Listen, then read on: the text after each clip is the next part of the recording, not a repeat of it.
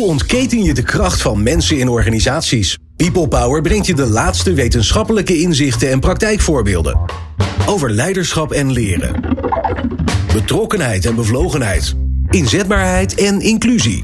Omdat mensen het verschil maken in jouw organisatie. People Power met Glenn van der Burg. Volgens de onderwijsinspectie daalt de kwaliteit van het onderwijs al ruim 20 jaar. Meer dan een kwart van alle docenten in Nederland kampt met burn-out klachten. En het lerarentekort werd al lang geleden voorspeld, maar is nog altijd niet opgelost. Sterker nog, als we niets doen, dan wordt het alleen maar groter. Wat is precies het probleem en hoe lossen we die problemen in het onderwijs op? Hoe maken we het vak van leraar aantrekkelijker? We hebben drie experts voor je uitgenodigd. Julia Penning de Vries, zij is universitair docent aan de Universiteit Utrecht. Fleur Veringa, beleidsadviseur lerarentekort bij de Voortgezet Onderwijsraad, de zogenaamde VO-raad, horen we dan altijd eh, in het nieuws. En Marius Bilkes, hij is van de hybride docent. Fijn dat je luistert naar People Power. People Power met Glenn van der Burg. Nou, een, een mega vraagstuk wat wij even in een uur moeten belichten. Dat is een, uh, dat is een uitdaging, maar we, gaan, uh, we nemen die uitdaging aan. Julia, ik wil eigenlijk bij jou beginnen. Um, waarom zijn er te weinig leraren? Simpele vraag met een, volgens mij een enorme wereld die erachter open gaat. Nou, ik denk dat er echt meerdere uh, verklaringen hiervoor zijn. Um, en ik ga natuurlijk meteen vanuit mijn eigen expertise hierop uh, reflecteren. En dat is namelijk vanuit het Human Resource Management principe. En daar gaat het ook over scholen als werkgevers en goed werkgeverschap. En ik denk dat daar nog wel wat te halen valt als het gaat over het behouden en het aantrekken van uh, leraren. Oké, okay, dus door de werkgever, de, de school zelf, die speelt een belangrijke rol. Even om het scherp te krijgen, maar dan kijken jullie alle drie even aan. Want le leraren die zitten op het voortgezet onderwijs. Hè? Als je, als je MBO ben je dan ook nog een leraar? Je Wanneer ben je eigenlijk een leraar? Oh, dan ben je al een docent. Ja, ja. ja. Oké, okay, Marius. Primair onderwijs. Oké, oké. Okay, dus, ah, ja. in het voortgezet kan ook, onderwijs kan ook. Ja. Kijk, we hebben de eerste, we hebben de eerste discussie. discussie al te pakken. Dat gaat heel goed. Um, uh, Fleur, waarom zijn er te weinig leraren? Dus en de werkgever, maar er zijn vast nog meer redenen. Zeker, ik denk ook dat het te maken heeft met um, het bredere, de bredere ontwikkelingen in de economie en de arbeidsmarkt. Um, je ziet dat er nu in heel veel sectoren een krapte is en uh, dat heel veel sectoren op zoek zijn naar meer personeel. Um, en het onderwijs is daar één van. Uh, als het wat minder goed gaat met de economie, zien we dat er veel, dat er veel meer mensen juist geïnteresseerd zijn in een baan in het onderwijs. Biedt okay. veel uh, werkzekerheid. Um, uh, nou ja, is altijd nodig. Um, dus je ziet dat daar dat dat ook effect heeft op hoe aantrekkelijk het onderwijs is als werkgever. Oké, okay, dus zie je dan gebeuren dat als er een krapte op de arbeidsmarkt is, dat er leraren uit het onderwijs stromen en wat anders gaan doen? Ja, je of is het vooral voor de mensen die een keuze moeten maken van wat, wat ga ik überhaupt weer doen? Ja, voor een keuze die een keuze moeten maken. Maar ook als je op een gegeven moment denkt van nou, ik werk in een sector waar het werk niet zo zeker is. Of waar um, mijn ja. contract, contract misschien niet verlengd wordt. Dan is het onderwijs wel een aantrekkelijke werkgever in zo'n uh, situatie. Ja, en hoe zit het, Marius, hoe zit het met het vak van, van, uh, van docent uh, op het voortgezet onderwijs? Als ik, kijk, volgens mij zijn er namelijk best wel veel mensen, nou sterker nog, iedereen heeft er zelf op gezeten. Dus je bent er onderdeel van geweest. En je weet ook hoe je zelf was. Dat je denkt, nou, ik zou mezelf niet in de klas willen hebben. Dat denk ik namelijk. Uh, ik zou mijzelf ook niet in de klas willen. Nee, was jij ook vervelend vroeger? Een beetje? Dat denk ik wel. Ja, ja dat denk ik Maar je wel. kan jezelf wel aan. Um, ja, ik kan mijzelf wel aan, denk ik. Maar dat leer je door de jaren. Ik denk ja. dat ik mijzelf het eerste jaar niet aan kon toen ik les gaf. Ja, wat, wat maakt, het, wat maakt dat vak zo... Um, en wat het grappige is, we praten hier al heel lang over. Het is niet zo dat we nu erachter komen dat we een leraartekort hebben. Want dat is al, nou ja, Julia, jij weet het beter dan. Uh, jij weet, weet al beter hoe lang we al een leraartekort hebben. Dat is al tientallen jaren volgens mij dat we dit aanzien komen, toch? Om heel eerlijk te zijn, kunnen we dat misschien beter aan Fleur vragen. Oh, Fleur is, uh, Fleur is hoofdcijfers. ja, oké. Okay. Nee, dat is altijd voor mij even checken. Wie, hiervoor. Ja? Nou, we zien eigenlijk dat um, al heel veel tientallen jaren terug, uh, dat er toen al was sprake was van een, van een lerarentekort. Maar we spreken dan van een soort varkenscyclus. Aha, um, het varkenstheorem. God, heb ik ook nog wel eens gehad. als je, um, uh, en, en dus je ziet een, een golfbeweging daarin. En dat, dat, dat is al, uh, nou ja, al een hele tijd gaande. Um, ik, mijn ouders hebben bijvoorbeeld allebei uh, uh, de leraaropleiding gedaan voor het primair onderwijs, toen nog de PA. En zij werden toen opgeleid voor de werkeloosheid. Terwijl een aantal jaar daarvoor was er een tekort. En een aantal jaar daarna, toen mijn moeder al een andere baan had gevonden, um, uh, was er eigenlijk weer, was er weer een, tekort. een, tekort. Ja, ja. Zij heeft uiteindelijk nu ook wel weer de overstap naar het onderwijs gemaakt. Uh, maar zo zie je dat er dus um, uh, soms kan dus ook dat er sprake is van een lerarentekort het aantrekkelijker maken of meer op de voorgrond bij uh, mensen die een nieuwe baan of een nieuwe studie kiezen. Um, leidt dat wat meer tot, oh, dat is een, een sector waar ik in zou willen werken of wat zit dat meer front of mind. Um, ja. Hoe is het beeld eigenlijk van het, van het werk als, als docent? Want dan kan ik me ook voorstellen dat het daar ook mee te maken heeft. Hè? En dan bedoel ik niet hoe het echt is, maar zeg maar het algemene beeld voor mensen die overwegen om nou ja, links of rechts af te gaan in hun carrière. Nou, ik, denk dat het, niet, uh, het beeld niet altijd klopt met de werkelijkheid. Dat, we zijn natuurlijk steeds meer met zijnstromers bezig. En die groep die nu instroomt als zijnstromer, dan zie je wel dat, het, dat de verwachtingen niet altijd kloppen met hoe het is in de klas. Ja, wat, is, wat voor verwachting hebben ze die, die uh, eigenlijk positiever is dan dat ze denken? Uh, die positiever is dan ze denken. Ja. Uh, nou, ik, ik, maar volgens mij moet, je, moet er een soort klik zijn bij degene die het gaat doen. En, en als dat gebeurt, dan krijgt hij energie van het lesgeven. De, eigenlijk, eigenlijk voor de klas staan en nou, dat theater van een uur met inhoud natuurlijk. Als dat je goed ligt en als je daar energie van krijgt, dan zit je goed. Want dat is eerste mooi omschreven. Jaar, theater van een uur. Nou ja, ja. Dat, dat, vond ik altijd. En, en, en, um, en als je nu instroomt van buiten het onderwijs en, en je krijgt die energie daar niet van, dan, is, dan zijn die eerste jaren natuurlijk heel zwaar. Want je moet ook je ja. opleiding nog doen. Um, dus dat is wel belangrijk. En daarom is soms die fase voordat je richting onderwijs gaat. Of dat nou via de leraaropleiding is, waar natuurlijk heel veel aandacht voor is met stages. Of via zijnstroom. Uh, is dat wel heel belangrijk. Gewoon het oriënteren en het meelopen en kijken. En past het bij je? Ja. Uh, want je moet het eigenlijk voor zijn. De verrassing van... Uh, Hoe het is. Ja. Ja. Uh, we hebben het over het lerarentekort alsof het één ding is. Maar volgens mij hebben we heel veel verschillende soorten leraren. Dus waar zit dat tekort eigenlijk? Hebben we meer uh, dramadocenten nodig? Hebben we meer uh, economieleraren nodig? Wat, waar hebben we behoefte aan? Ik kijk naar, naar de dames, want jullie, een, van, een van jullie twee heeft de cijfers. In het voortgezet onderwijs uh, zien we heel erg dat het echt op tekort dat er een aantal tekortvakken uh, zijn waar door het hele land. Dat is een land, ding dus, hè? Tekortvakken. Ja, ja waar nee, door het hele land eigenlijk uh, tekorten voor zijn. En in de ene regio kan dat meer of minder zijn, maar dat zijn eigenlijk de vakken waar het overal lastig is om docenten voor te vinden. En dat zijn beta-vakken, wiskunde, scheikunde, natuurkunde. Uh, maar ook uh, talen, um, Oké. uh, Duits en Frans, maar ook Nederlands hoor ik steeds meer als, als probleem. Klassieke talen. En dan zijn er ook nog een aantal andere vakken, techniek, informatica.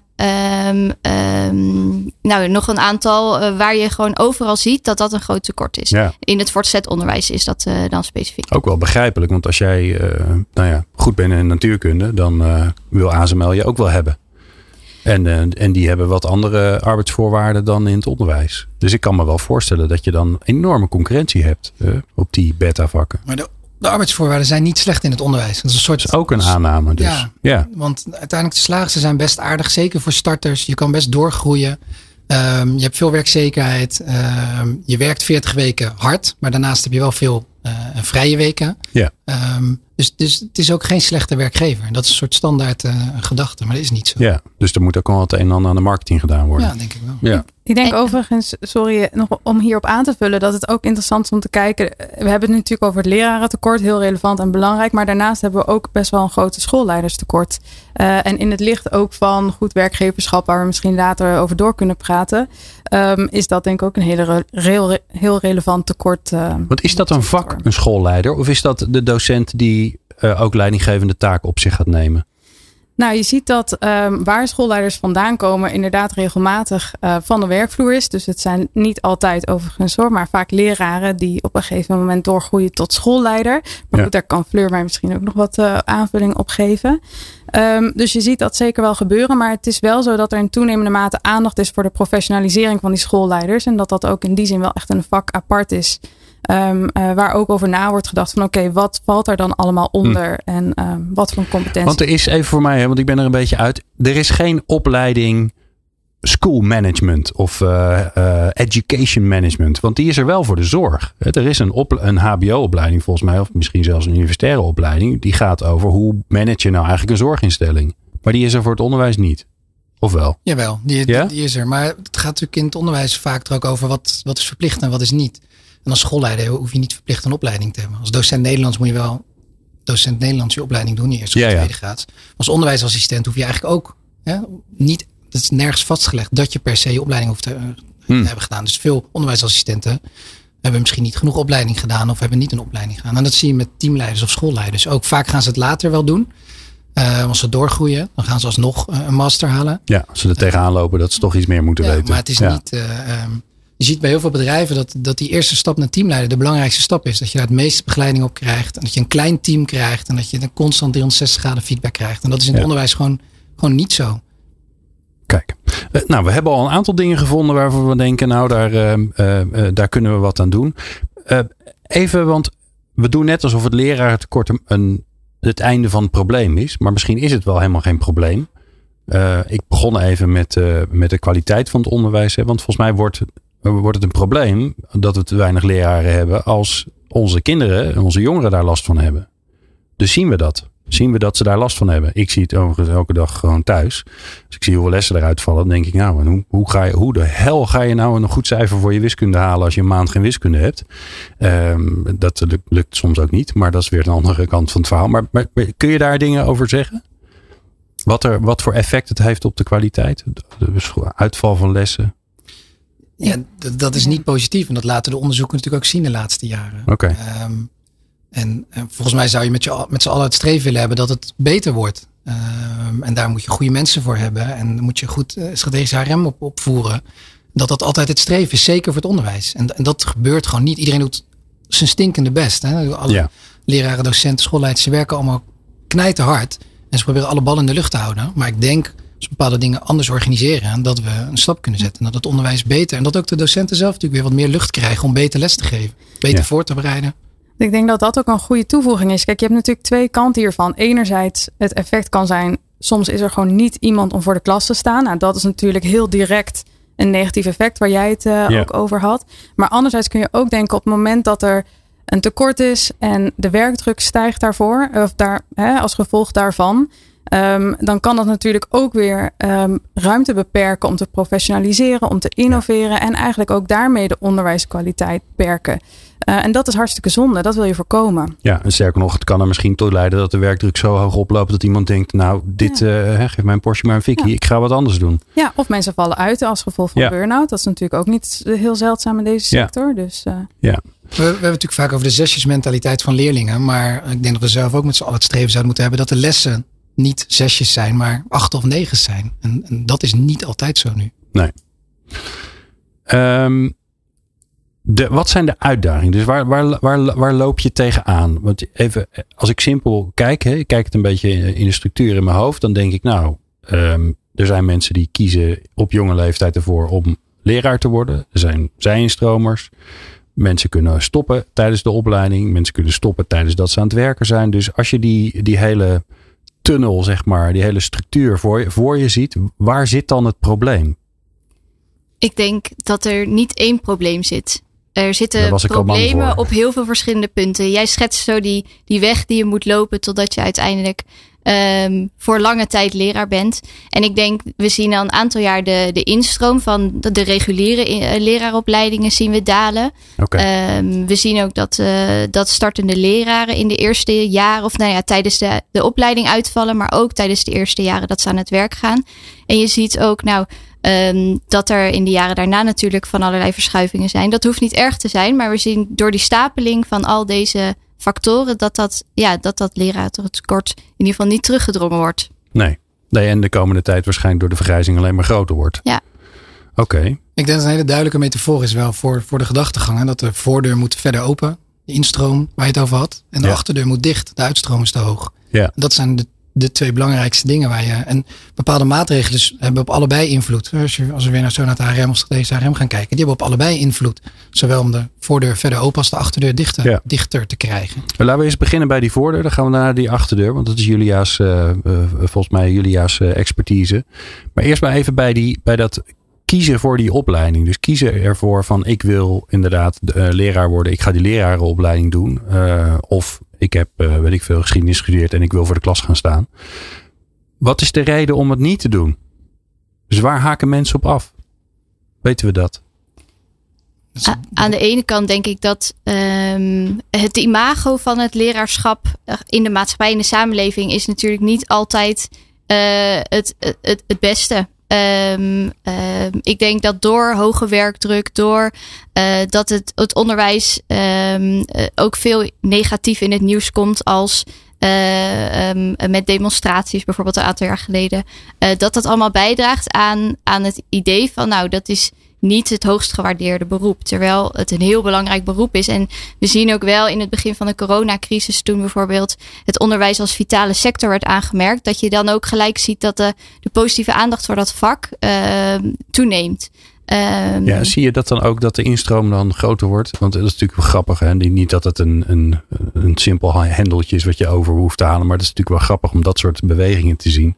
En we zien bijvoorbeeld wel dat de zijinstroom de afgelopen, dat daar meer aandacht voor is en meer eh, aanmeldingen bijvoorbeeld voor de zijinstroomsubsidie. Eh, dus daar zie je wel een aantal eh, ja, ontwikkelingen in. Ja, Er is ook een piek in de leraaropleidingen geweest tijdens corona. Ja. oké. Meer inschrijvingen. Ja. Bij heel veel opleidingen trouwens. Een soort veilige haven natuurlijk. Mensen die Ja. werk hebben uitgesteld ook. Maar Ja, alright. Ehm, dus imago moeten we dat dan doen. Ik ben een soort lijstje in mijn hoofd aan het maken die, waar we straks de oplossingen voor gaan zoeken. Dus dat, dan weet hij een beetje wat ik aan het doen ben. Ehm, ja, die achterdeur, dat klinkt zo, eh, zo raar. Maar ik zie dan de schoolvormen waarbij, waarbij je moet toch... Ja, vooral mensen moeten, moeten zorgen dat die, dat die docenten het gewoon super leuk hebben op school. Dus welke rol speelt dan die werkgever daarin, Julia? Nou, ik denk een ontzettend grote rol. En misschien mag ik nog één korte eh, mag altijd. aanvulling doen op de deur die uh, Marius zo net mooi uh, benoemde. Ik denk dat daar ook wel voor, school, voor scholen en het HR-beleid een uitdaging voor weggelegd is. Want we hebben steeds meer aandacht voor zij-instromers en dat vergt steeds meer flexibiliteit en maatwerk op het gebied van instroom. Daarnaast betekent het ook dat mensen vaak nog maar aan een opleiding bezig zijn terwijl ze al op een school werken.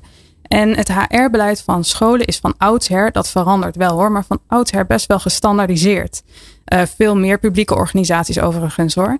Um, ja, en wat, en wat bedoel je dan? Dat er, er zijn functie-eisen, daar moet je aan voldoen, want anders mag ja. je nog niet A, B of C. Ja, bijvoorbeeld, of bijvoorbeeld ruimte voor opleiding, um, of uh, nou ja, dus in die zekere zin, er is wel steeds meer aandacht voor en er zullen vast ook heel veel uitzonderingen zijn, maar over het algemeen weinig ruimte voor maatwerk. Ik denk dat men steeds meer erkent dat dat heel, be heel belangrijk is.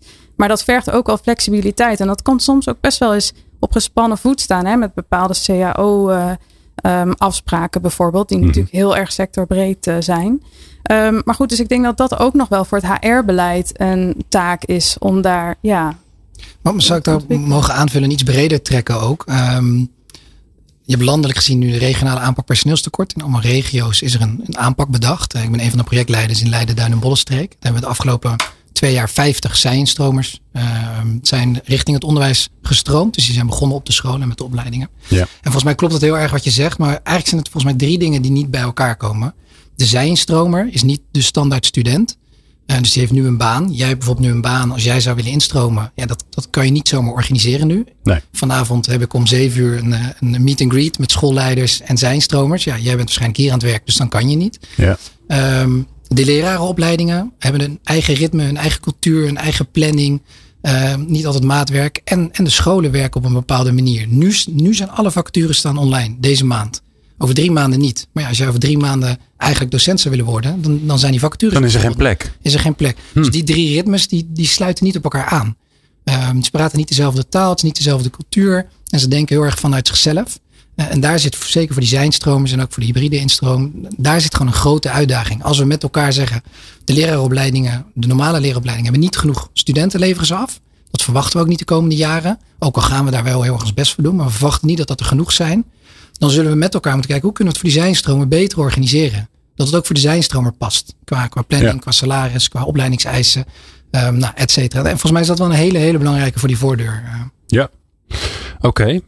Nou, de achterdeur die moet dicht. Want uh, we willen natuurlijk die mensen die uh, um, zoveel moeite hebben gedaan om uh, te leren hoe het is om de docent te zijn, die willen we natuurlijk vooral binnenhouden. Julia, wat gaat er mis? Waarom lopen ze de deur uit?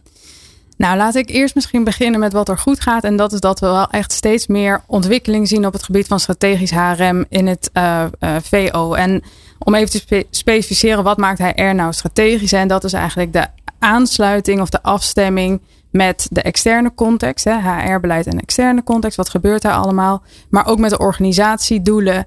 Um, nou, dat zijn eigenlijk twee, ja, twee kenmerken daarvan. En we zien dat, er, dat het HRM-beleid eigenlijk steeds strategischer wordt. Dus dat is een goed teken. En dat, is eigenlijk, dat zien we ook doorwerken in ja, de effecten eigenlijk of de gevolgen voor nou ja, variabelen als werktevredenheid, noem maar op. Okay. Tegelijkertijd zijn er ook nog steeds veel uitdagingen. Want er zijn een aantal voorwaarden voor effectief HRM-beleid. En daar zien we nog wel eens wat uh, struikelpunten.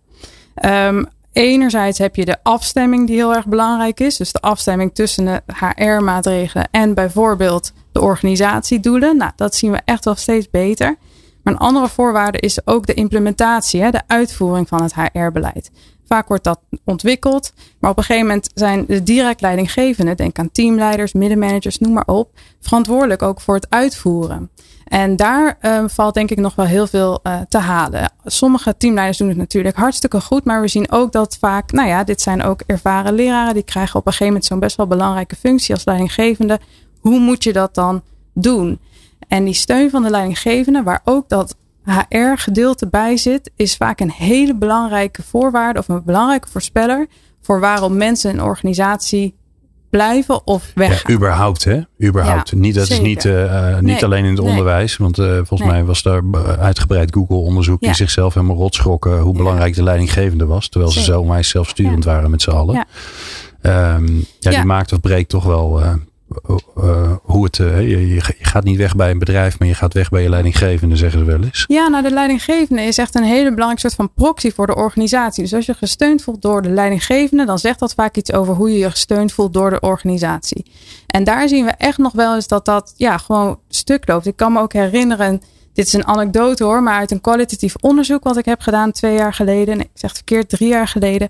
Waarbij iemand letterlijk zei: een van mijn goede docenten eh, van een tekortvak, die is gewoon weggegaan omdat de connectie met de leidinggevende er gewoon absoluut niet was. Nou, dit is natuurlijk NS1, daar moet je veel meer onderzoek naar doen. Maar het zegt wel iets over wat voor een impact dat heeft. En dat wil je gewoon echt niet. Ja.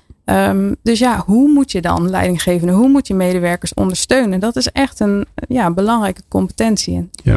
Daar is denk ik nog wel wat te halen. Ja. ja. En ik denk ook, volgens mij een van de dingen waar jij, een van de onderwerpen waar je ook uitgebreid uh, mee bezig bent geweest, is docenten of leraren.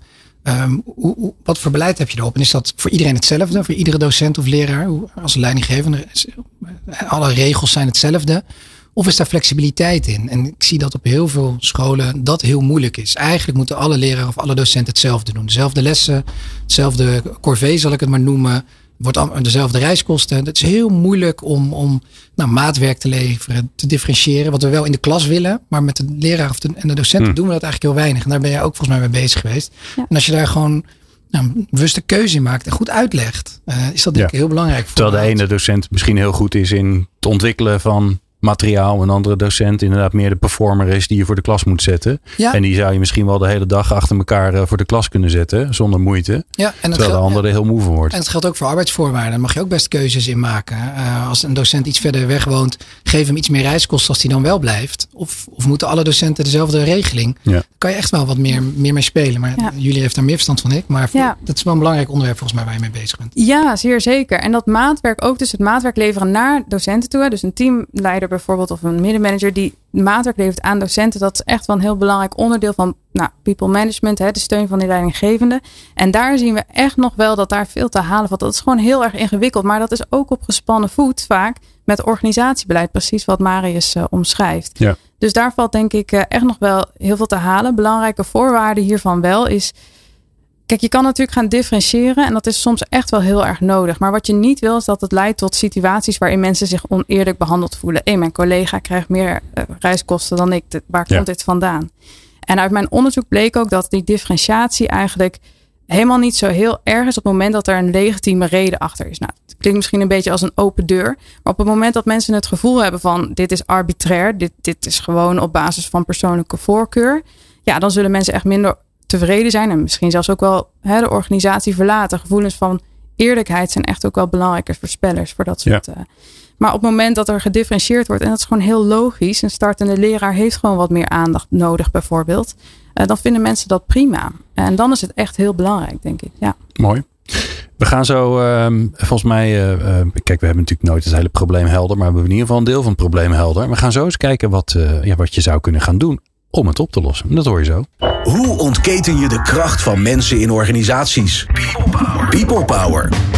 Julia Penning de Vries, Fleur Veringa en Marius Bilkes zijn in de studio. We hebben het over het, eh, eh, het, het, ehm, het tekort aan leraren. Waar we, nou ja, als je, als je kinderen hebt, dan eh, loop je er wel eens tegenaan. Ehm, en we met z'n allen hebben daar natuurlijk een, eh, een, een probleem. Want eh, ja, dat zorgt er gewoon voor dat, eh, dat we eh, da- kennis missen. Dat we onze jongeren een minder, eh, minder rooskleurige toekomst kunnen geven dan dat we zouden willen. Ehm, ik zit even te denken waar we beginnen. Misschien moeten we beginnen bij ehm, eh, het specifiek maken van dat tekort. Want ik, ik, ik riep aan het begin, hè, dat kan erop uitlopen dat we, weet ik veel, 10.000 tekort hebben. Of wat voor aantallen hebben we het eigenlijk? Fleur, dat weet jij vast.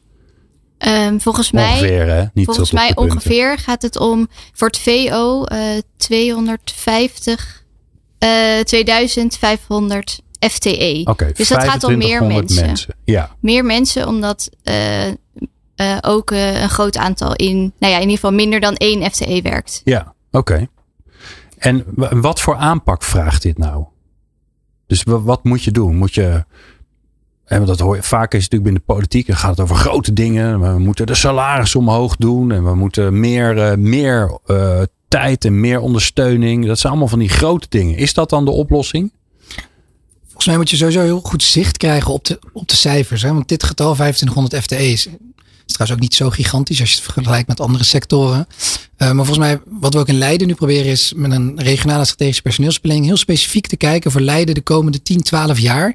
Waar zit het tekort en hoeveel zijn dat er? En, en dan, kan het dan, gaan, dan kan het gaan dat je eh 10 docenten Nederlands gaat zoeken of, of, of, of 18 wiskunde. En misschien niet scheikunde, want je ziet daar gaan eh, minder docenten van met pensioen of de gemiddelde leeftijd is daar lager. Dus volgens mij is één in ieder geval heel specifiek kijken wat heb je nodig waar. Ja, want 2500 docenten, dat zijn niet 2500 scheikundedocenten. Dat zijn zoveel scheikunde, zoveel Nederlands. dat is natuurlijk het gekke waar we het over hebben. Dan, voordat je het weet, heb je het over een groep die eigenlijk geen groep is. Nee, en dat loopt heel vaak door elkaar, want we hebben het over absolute en relatieve tekorten. En bijvoorbeeld informatica heb je een heel groot eh, relatief tekort, maar het wordt heel weinig gegeven. Ehm, en Nederlands wordt heel veel gegeven. Dus als je een klein tekort hebt, dan gaat het om veel meer mensen. Dus dat is ook heel belangrijk om zicht op te Ja. houden. Maar in Leiden gaat het vaak om een tekort van acht docenten Frans de komende vijf jaar of twaalf. En da- daar kun je natuurlijk met elkaar beleid op maken. Ja, dan wordt het overzichtelijk. Want dan kan je, dan kan je denken, waar ga ik die 8 vandaan halen? Terwijl als ik denk, waar haal ik er 2500 vandaan? Dan ga ik ook grote oplossingen zoeken. Ja, aan de andere kant nog heel even aanvullend op wat Marius zei. Voor informatica gaat het dus over eh, ongeveer 38 procent. het tekort van, de, van het totaal aantal informatica docenten. Dus en dat dus- is eigenlijk alleen van de scholen die het vak aanbieden. En we zien dat minder scholen het vak gaan aanbieden. Omdat als Omdat een docent met pensioen gaat, Ja. ze niet een andere docent kunnen vinden. Dus het tekort kan ook nog wat groter zijn dan dat je eigenlijk in die cijfers terug ziet komen. En daarom is denk ik eh, zo'n regionale personeelsplanning heel belangrijk. En dan niet alleen om het komende jaar vooruit te kijken, maar ook op de langere termijn. En dus ook met nou ja, schoolbesturen en scholen samen in de regio en in de omgeving te kijken. Hm. Van nou, ik heb eigenlijk eh, een, een scheikunde docent nodig. En op een andere school, eh, nou ja, kun je daarin samenwerken of ehm, kun je op die manier ook elkaar helpen. Ja, eh, dat is wel grappig hè, jullie. Want ik zit te denken, dit- noemen we volgens mij, als je het in een bedrijf doet, noemen we dit strategische personeelsplanning. Hè? Dat je de toekomst gaat kijken, wat heb ik allemaal nodig? Hoe gaat de doorontwikkeling van mijn mensen eruit zien? Dus daar moet jij wel eh, blij van worden. Ja, zeker. Alleen wat me mete- meteen aan doet denken is dat precies wat jij zegt. Het gaat een SHRM-focus is toch vaak binnen één organisatie. En hier gaat het over samenwerking. En ik denk er wordt heel erg ingezet op die samenwerking. En dat is denk ik ook heel erg goed. En er zijn vast heel veel voorbeelden waar het heel goed gaat. Maar ik denk dat dat voor scholen en HR, ja, het HR-perspectief of HR-beleid in scholen ook nog wel een uitdaging is om te denken: oké, hoe kunnen we die samenwerking faciliteren? Hoe kunnen we niet alleen in onze eigen organisatie kijken, wat eigenlijk van oudsher een beetje de focus is geweest, Ehm, maar hoe kunnen we juist ruimte geven voor die samenwerking? Kan dat bijvoorbeeld door, nou ja, letterlijk soms ook ruimte te geven, tijd om die samenwerking op te zoeken, aan te gaan en dergelijke. Ehm, om dat mogelijk te maken. Dus HRM is natuurlijk voor een heel groot deel een soort van randvoorwaarden creëren om iets mogelijk te maken. En dat is denk ik hier ook Ja. iets wat, eh, ja, Maris, jij bent van de hybride docent. Dat heb ik aan het begin gezegd. En toen Ja. dacht ik, ga je wel even vragen wat het is. Want ik heb geen idee. Dus wat, wat, in, in hoeverre draag jij dan bij aan de oplossing met de hybride docent? Ehm, nou, een, een gedeelte, denk ik.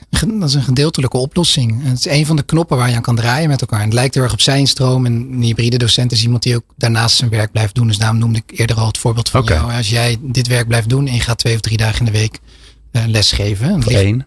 voor één dag in de week. Ligt er een beetje aan je vooropleiding. Ehm, en eh, ja, welk vak en of dat dan een tekortvak is. En of dat aansluit en hoe we jou gaan begeleiden. En of dat dan lukt.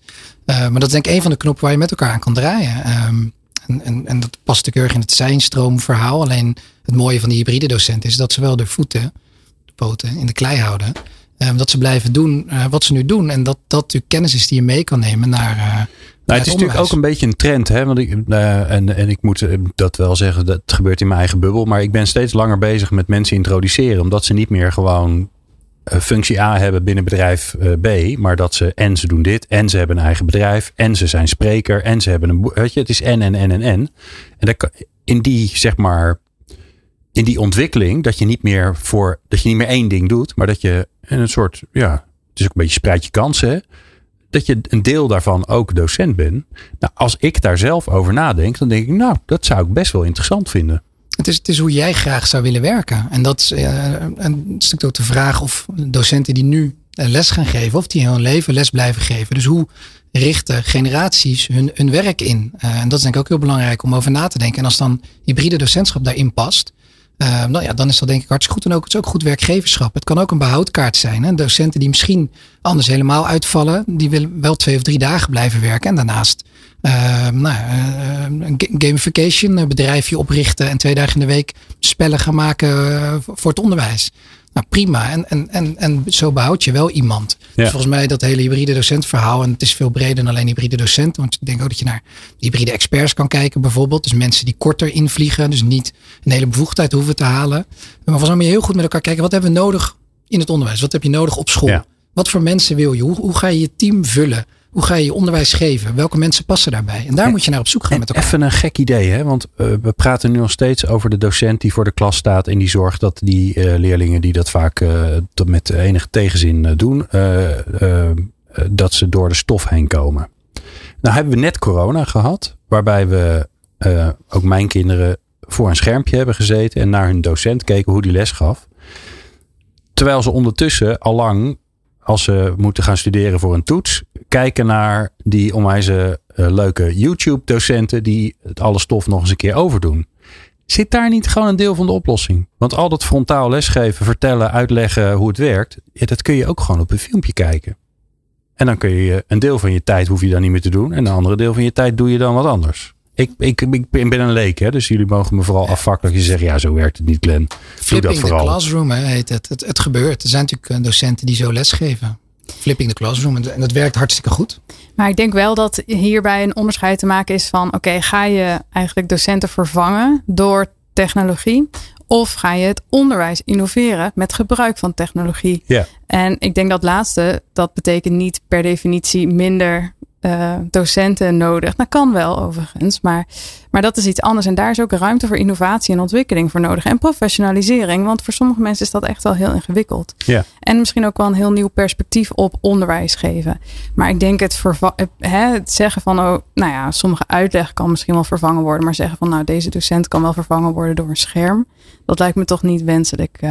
Maar Fleur, hebben we daar een beeld van? Waar, waar besteedt een, een docent zijn tijd aan? Waar is hij eh, tijd aan kwijt? En hoe kan je daar dan slim mee omgaan? Ik moet eerlijk bekennen dat ik die cijfers niet helemaal paraat heb. Maar het grootste deel van de tijd wel aan het lesgeven. Ja. Ehm, en daarnaast ook het voor- en nabereiden van de lessen. eh, en andere taken binnen de school. Ehm, en we zien dat in Nederland ook wel eh, docenten veel uren lesgeven. In vergelijking internationaal vergeleken met andere landen bijvoorbeeld. Oké. Ja, Ehm, maar om eh, bij jullie ook aan te sluiten, ik denk dat het heel belangrijk is dat je dus niet de docent vervangt door, door technologie en door de, die video eh ik vind het wel grappig dat jullie daar gelijk zeggen, nou nee, dat vervangen, dat is een dingetje. Dat is spannend of zo. Dat ik denk, ja, als je, als, als je gewoon, als je naar het bedrijfsleven kijkt en je hebt iemand die doet iets en je hebt er te weinig, dan kijk je, ja, wat doet hij allemaal? Wat kun je automatiseren? Ja, dan, uh, dan heb je het probleem opgelost. Volgens mij past het in een bredere discussie over. En vaak noemen we het anders organiseren. Wat ook, nou, ook wel vloek in de kerk is bij, uh, bij sommige scholen. Als je daar weer mee, mee langskomt, zal ik maar zeggen. Maar anders organiseren. Dus hoe, hoe kunnen we nou het onderwijs het best organiseren? En mogelijk levert dat ook op dat je minder eerste graad bevoegde docenten nodig hebt. En dat je dat met digitale middelen of met uh, onderwijsondersteuning of met bedrijven van buiten. Ik denk dat het heel goed is om daar met elkaar naar te kijken. In Leiden doen we er ook onderzoek naar. Wat is er nu tijdens corona anders gedaan? Wat kunnen we daarvan leren? Um, dan hebben we een, een POG gestart en kijken wat de uitkomsten zijn. En dat zijn nou, lessen die we mee kunnen nemen. En dat kan opleveren dat je uh, nou, iets met het lerarentekort doet. Maar het gaat, onderwijskwaliteit staat natuurlijk altijd op één. Eens, ja. Maar volgens mij, uh, daar is iedereen het gelijk over eens. Maar ik, zou, ik denk dan heel simpel, niet uh, zijnde een onderwijskundige. Als je de beste docent die de beste performance geeft en het het beste kan uitleggen, als je daar een mooie video van opneemt, dan heb je in plaats van een goede docent, heb je de allerbeste. En dan kan die hele goede docent daarna al je vragen beantwoorden. En naast je gaan zitten als je het niet snapt. En het nog een keer uitleggen. Nou ja, al die dingen die nodig zijn. Veel meer persoonlijke aandacht. Wat volgens mij in het onderwijs hartstikke nodig is. Het gaat natuurlijk niet alleen om die inhoud. Om die vakinhoud. Het gaat natuurlijk ook om nou ja, het welzijn van de leerlingen. Het gaat om uh, pedagogisch-didactische kwaliteiten. Omdat je zicht houdt op welke leerling uh, komt wel en welke leerling komt wat minder goed mee. Dus ik denk dat dat heel belangrijk is. En zoals jij het zegt, um, uh, heb je natuurlijk alsnog die docent nodig in de klas. Kan je natuurlijk heel goed gebruik maken van, van materiaal, van innovatie, van digitale middelen. Uh, maar je hebt ook die docent die, ja. die, die zicht heeft op die leerlingen. En daar die betrokkenheid en ook nou ja, die, die kleine maatschappij die een school eigenlijk is, uh, die daar ook nou ja, nauw betrokken is. Ja.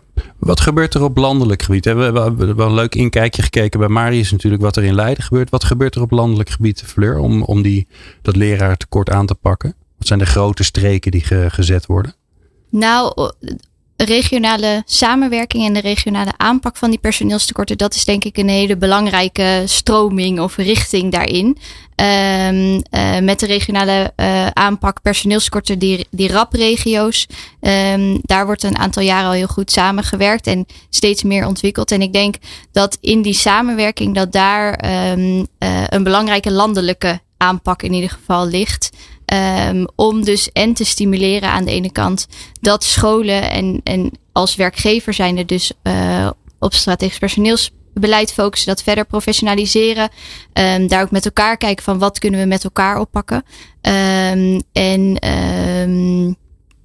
ja, op die manier dus ook um, uh, kijken van wat is er ook nodig. Bij de lerarenopleiding bijvoorbeeld is er specifiek aanbod nodig of, um, of, of mogelijkheden naar dat leraarschap dat beter in beeld brengen. Er meer zicht op krijgen. Um, en ook uh, meer zicht te krijgen op de, de tekorten regionaal en landelijk en hoe dat dan uh, in verhouding staat tot elkaar. Ja. ja. Wordt er nog wat op marketinggebied gedaan? Want het grappige is dat als ik zeg ja een docent, eh, daar heb je toch een bepaald beeld van. Maar je zegt gelijk, ja, dat klopt niet. En eh, de arbeidsvoorwaarden zijn eigenlijk wel prima. Uh, dus ja, meer geld mag altijd. Maar dat gaat, dat gaat het verschil waarschijnlijk niet maken. Dus wat, wat gaat er nog iets gebeuren om dat vak meer voor het voetlicht te brengen. In plaats van ja, wat je inderdaad op het journaal ziet. Als het altijd kommer en kwel is en ellende. En wat er nou weer verkeerd is gegaan. Want er gebeuren natuurlijk prachtige dingen. Het is een hartstikke mooi vak. Volgens mij, het ministerie heeft dat het afgelopen jaar of afgelopen twee jaar is er een campagne geweest. Um, ik weet eigenlijk niet of die nog steeds loopt. Uh, maar dat is wel een soort terugkerend, terugkerend fenomeen. Uh, er zijn websites voor, spotjes geweest. Ja. Maar ja, zo goed heeft het niet gewerkt. Maar dus ik, jij, jij hebt geen het heeft geen indruk achtergelaten bij mij. Ik zou maar niet, ik kijk geen tv meer. Nee, dus ik zou de slogan niet. ook niet kunnen noemen. Dus nee, het is, jou ook niet. Maar ook niet genoeg, maar er is wel, zijn wel dingen op gebeurd. Ik, ik vind wel, want wat jij nu beschrijft, dat klopt. Heel veel in de regio en, en dan voor de grote steden, die hebben weer een eigen, de G5, de eigen beleid. Um, maar het zou echt wel een stapje steviger mogen. We mogen echt wel kritisch op onszelf zijn. Um, het, de samenwerking kunnen beter, er kunnen grotere stappen worden gemaakt. En ik denk ook vanuit OCMW, vanuit de minister, die zou ook best wat meer sturing. We weten best een aantal dingen die we hier beschreven hebben, wat goed werkt en wat niet goed werkt. Um, het is niet zo dat dat dwingend wordt opgelegd, dat hoeft ook niet, maar er zou wel meer op gestuurd mogen worden. Je ziet nu in heel veel regio's het wiel opnieuw worden uitgevonden. Sommige regio's okay. gaan minder hard dan andere regio's en dat is denk ik heel zonde. Um, dus het, er wordt, het wordt erg losgelaten en laat de regio het maar oplossen. En ik denk dat daar echt wel een stap gezet zou mogen worden door de nieuwe bewindspersoon. Ja, Zeker, ja, dat is ook iets wat we vanuit de VO-raad bepleiten bij de nieuwe ministers ook. Um, en om daarin niet alleen uh, die aanpak op het op arbeidsmarktgebied en op het lerarentekort uh, daarmee bij te betrekken, maar ook te kijken naar uh, samen opleiden. Dus het opleiden niet alleen via de leraaropleiding, maar ook op de werkplek. Um, en daar ook onderzoek en de, de innovatiekant bij te betrekken. Om op die manier dus en beter zicht te krijgen en betere routes naar het leraarschap, aantrekkelijke loopbaanpaden te kunnen bieden. Uh, doordat je, dat je en opleiden, onderzoek en arbeidsmarktvraagstukken aan elkaar koppelt. Uh, maar ook die ontwikkeling en die innovatie baseert op onderzoek. En dus kennis gedreven in de school uh, op die manier kan werken en in de regio en in die samenwerking met elkaar. Ja, ik, wil zo eigenlijk uh, met jullie afsluiten om, uh, om naar, die, uh, naar die werkplek te kijken. Dus, want dat is natuurlijk, we weten dat die, wat het dichtste bij werknemers zit, dat dat de grootste effect heeft of ze wel of niet gelukkig zijn, of ze blijven of dat ze weggaan. Dus daar wil ik zo met jullie bij afsluiten. Leiderschap, leren, inzetbaarheid en inclusie. De laatste inzichten hoor je in People Power. In de studio Julia Penning de Vries, Fleur Veringa en Marius Bilkes. En we praten over uh, het tekort uh, aan, onder, aan, aan docenten uh, in Nederland. En dat het tekort wat er al lang is en nog he, helaas voorlopig wel even blijft. Of we moeten echt in deze aflevering ineens een briljante dingen hebben bedacht die morgen alles oplossen. Maar ik ben bang dat het zo simpel niet in elkaar zit. Julia, we gaan even helemaal, we maken het helemaal mini, mini, mini, mini, mini. Dus die ene scheikundedocent op die ene school, waarvan we weten, die moet niet weg, want er is niemand anders. Dus die moeten we houden. Wat moet je voor die ene scheikundedocent nou doen, waarvan we weten dat het werkt, waardoor die het leuker, fijner, gezelliger, gelukkiger, gezonder op zijn werk gaat krijgen? Nou, ik denk dat het eigenlijk een heel mooi begin is om daarmee te beginnen. Want uh, waar je eigenlijk wil starten is weten wat motiveert deze persoon nou om te blijven. Om, daar, om het werk überhaupt te doen en ook om te blijven in een organisatie. En daar is natuurlijk motivatie voor het werk heel belangrijk, maar ook motivatie voor de organisatie. Want je wil ook als school niet dat de persoon jouw organisatie verlaat.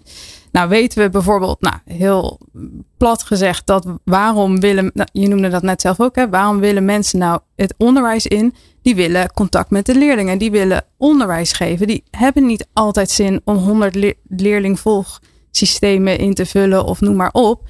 Die willen echt voor de klas staan. Dus ik denk dat je daar voldoende ruimte voor moet geven. Nou, wat is daarvoor nodig? Dus ik hoor je zeggen, gedoe wegorganiseren. Bijvoorbeeld, ja. ja. In ieder geval uh, inspelen op wat hen motiveert. Um, wellicht hebben zij ook bijvoorbeeld een motivatie om zich ook te ontwikkelen, om het onderwijs uh, te ontwikkelen.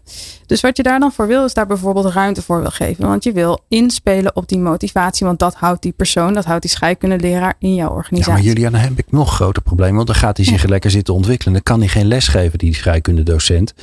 Nee. Dus ik heb, hem zo, ik heb haar of hem zo hard nodig. Ik denk dat je echt moet, uh, niet moet onderschatten hoe erg um, het investeren in professionele ontwikkeling ook bijdraagt aan het behoud en de duurzame inzetbaarheid van zo'n leraar. Dus als die persoon dan uiteindelijk in jouw organisatie blijft, is dat denk ik echt uh, ja, heel relevant. En dat betekent overigens niet altijd, oké, okay, dan heb je een dag in de week om jezelf te ontwikkelen. Het kan natuurlijk ook op andere manieren, hè? maar ik denk in ieder geval dat je op die motivatie moet inspelen. En dat je dat als leidinggevende moet je ook in, in staat zijn. Dat is best ingewikkeld hoor. Om dat dus te zien en daar ook jouw leiderschap op aan te passen. En dat vergt dus maatwerk waar we het eerder al over ja. hadden. Want de ene is misschien iets meer gemotiveerd op iets anders dan de ander. Noem maar op. Het is natuurlijk ook een vak wat best wel, um, waarbij best wel bepaald wordt voor jou wanneer je werkt. Hè? Ik, ik weet ja. ook dat dat uit onderzoek in de zorg dat ook blijkt. Hè? Daar werk ik ook met roosters. Dus weinig invloed op de momenten dat je werkt en, de, en hoe lang je achter elkaar werkt. Dat geeft ook, dat voelt ook niet goed. Ja, dus die autonomie is vaak wel, je hebt vaak wel autonomie in de zin van voor de klas heb je natuurlijk voor een groot deel nou, is het, jouw, is het jouw toneelstel of hoe noem je dat nou? Jouw theater? Je, ja. je, hè, als docent, je mag dat zelf.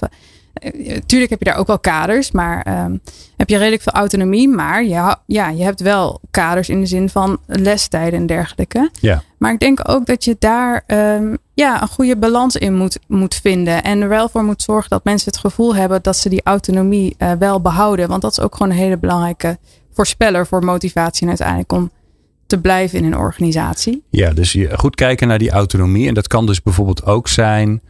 ja, ik moet deze lesmethodiek gebruiken, maar eigenlijk heb ik iets beter bedacht. En daar moet dan dus ook ruimte voor zijn. Want dat, daar zit natuurlijk ook weer persoonlijke ontwikkeling achter op je vakgebied. Nou, kijk, vanuit werkgeverschapsprincipe zou ik zeggen absoluut. Maar daar zit natuurlijk ook wel eh, wat meer achter in termen van pedagogisch beleid of didactisch beleid. Maar ja. Ik denk ook dat er ruimte is om je uh, baan ook wel gedeeltelijk zelf in te richten als de schoolleider daarin ondersteunt. Want je hebt voor een groot gedeelte uh, geef je lessen, maar daarnaast heb je een soort uh, urennorm, jaartaak, die ieder jaar gevuld wordt met al je andere taken. Dat gaat om honderden uren. Hoe ga je dat doen met elkaar? Wie doet wat? Wie is waar goed in? Kijk je naar je collega's wat ze kunnen. Er zitten misschien hybride docenten tussen die iets anders kunnen. Laat die dan, waar ze goed in zijn, laat ze dat uitvoeren. We zijn in, in Leiden, dus vorig jaar een zijnstromer begonnen. Met een marketingachtergrond. Die is nu, uh, een gedeelte van haar taak is dat zij die marketing voor die school doet. Dan heb je een combinatie waarin ze en les geeft en doet wat ze leuk vindt daarnaast. Uh, en, en zo kan je denk ik iemand behouden. Dus er hm. is wel echt wel degelijk ruimte waar vaak geen gebruik van wordt gemaakt. Mijn laatste school ik heb lesgegeven was een formulier wat gewoon ingevuld was. En dan moest je een uur in de week surveilleren en twee uur. Ja, er werd, werd voor je bepaald hoe je je, je, je, niet, je niet voor de klasles tijd uh, hoe je die ging invullen. Ja, ja dat, dat, uh, dat, als, je dat, als je luistert en dat herkent, dan zou ik zeggen, daar moet je wat aan gaan doen. Want als er iets slecht werkt, en kijk jullie ondertussen aan, maar als je voor iemand bepaalt dat hij iets moet gaan doen wat hij niet leuk vindt en waar hij niet goed in is, en hij kan daar geen invloed op uitoefenen, dat gaat niet goed voor komen. Nee, en als dat sporadisch een keer nodig is, dan zal dat vast niet zo. Uh, iedereen moet een keer de afwas doen. Maar... Ja, zeker. En wat je dan natuurlijk wel kan doen, soms moet je in een baan ook iets doen waar je niet heel blij van wordt. Maar ik denk dat het hier altijd belangrijk is om te benoemen waarom, wat de bijdrage is uiteindelijk aan. Uh, en dat is ook weer een taak voor de leidinggevende. Dus die leidinggevende is echt heel belangrijk. Maar communiceren, waarom moet je dit nou doen? Waarom is dit belangrijk? En dan krijg je die docent misschien iets meer mee. Maar ja, je moet het niet met alles doen. Nee. Ik denk dat die zijnstromers of, of hybride docenten, eh, als ze niet eh, volledig eh, overstappen, dat die hier ook een grote rol in kunnen spelen. Want het is toch een, een, een nou, vreemde blik of iemand met een andere blik die school inkomt. Um, en dat kan heel goed in een team functioneren. Als je daar aandacht aan besteedt. En um, dan kun je met elkaar natuurlijk daar stappen in zetten. En als iemand van een bedrijf of ergens anders vandaan komt. En met die verwonderende blik die jij nu ook uh, naar mij toe hebt. Um, ja, als je die mede school inneemt. Dat kan zo'n team heel erg helpen. Yeah. Dus volgens mij is dat ook een van de de, nou, de redenen waarom we misschien meer naar zijn strooms moeten kijken. Vooral ook dat, uh, dat goede gesprek in het team. En om daar met elkaar dan die afspraken te maken. Dan heb je het dus al over waarom is dat belangrijk? Waarom moeten we dat met elkaar doen? Maar ook als ik dit doe, uh, nou dan uh, doet een andere collega pakt iets anders op. En zo kan je natuurlijk ook zo een baan aantrekkelijk houden. Omdat je daardoor ook kan variëren, kan differentiëren. Maar ook op langere termijn weer andere dingen in het vooruitzicht kan stellen. Mooi. Ja, mooi. Mooi, mooi voorbeeld. Ik dank jullie zeer. We zijn nog lang niet klaar. Maar dat zou ook raar zijn als we dat in een uur wel voor elkaar hadden gekregen. Dus uh, uh, dit krijgt vast ergens nog een keer een vervolg. Uh, Julia Penning de Vries van de Universiteit Utrecht. Fleur Veringa van, het, van de Voortgezet Onderwijsraad. En Marius Wilkes van de Hybride Docent. En jij natuurlijk dankjewel voor het luisteren naar People Power. Meer altijd te vinden op onze website peoplepower.radio. Meer afleveringen vind je op peoplepower.radio en jouw favoriete podcast app.